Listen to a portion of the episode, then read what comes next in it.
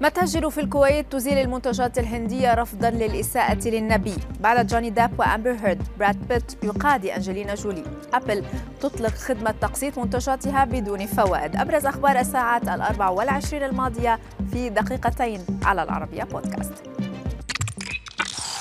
وسط تصاعد لدنات الرافضة للتصريحات المسيئة للنبي محمد عليه السلام والتي أدلى بها مسؤولان بارزان في الحزب الحاكم بالهند مؤخرا قررت بعض متاجر بيع الأغذية في الكويت إزالة المنتجات الهندية المعروضة على أرففها.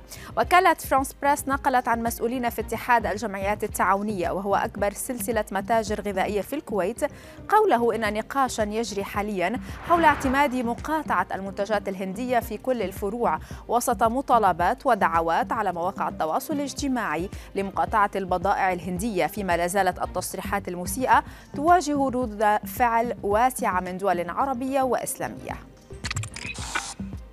وفي آخر المستجدات حول جدر القرود رفعت المراكز الأمريكية لمكافحة الأمراض والوقاية منها مستوى التحذير من هذا الفيروس. وأوصت المسافرين بارتداء الكمامات أثناء رحلاتهم مؤكدة أن القلق بشأن العدوى لا يصل إلى مستوى وباء كورونا.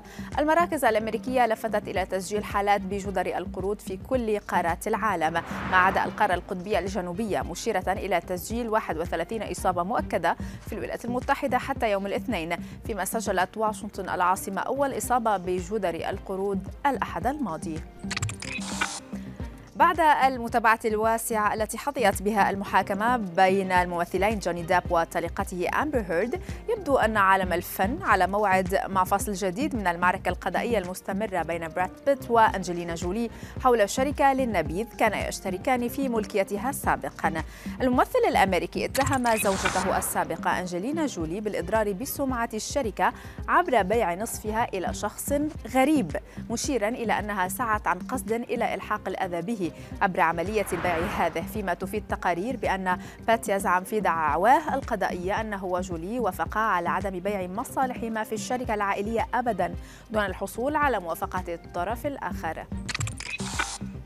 وفي العالم العربي ما زالت قضية النجمين المصريين ياسمين عبد العزيز وزوجها أحمد العوضي تتصدر حديث السوشيال ميديا خصوصا بعد آخر منشور للعوضي والذي نفى فيه ضمنيا إشاعات تحدثت عن طلاقهما العوضي نشر على حسابه على إنستغرام صورة له مع ياسمين معلقا عليها بالقول إنه سيبقى محبا لها رغم كل الخلافات وقال إن الخلاف بينهما هو خلاف مثل أي زوجين طبيعيين. وكانت ياسمين ألغت متابعة العوضي العوضي على إنستغرام ونشرت صورة معلقة عليها قائلة ستعلمك الشدائد دائما آه، أنه ليس لك إلا الله. وهو ما أثار الإشاعات حول انفصال الطرفين.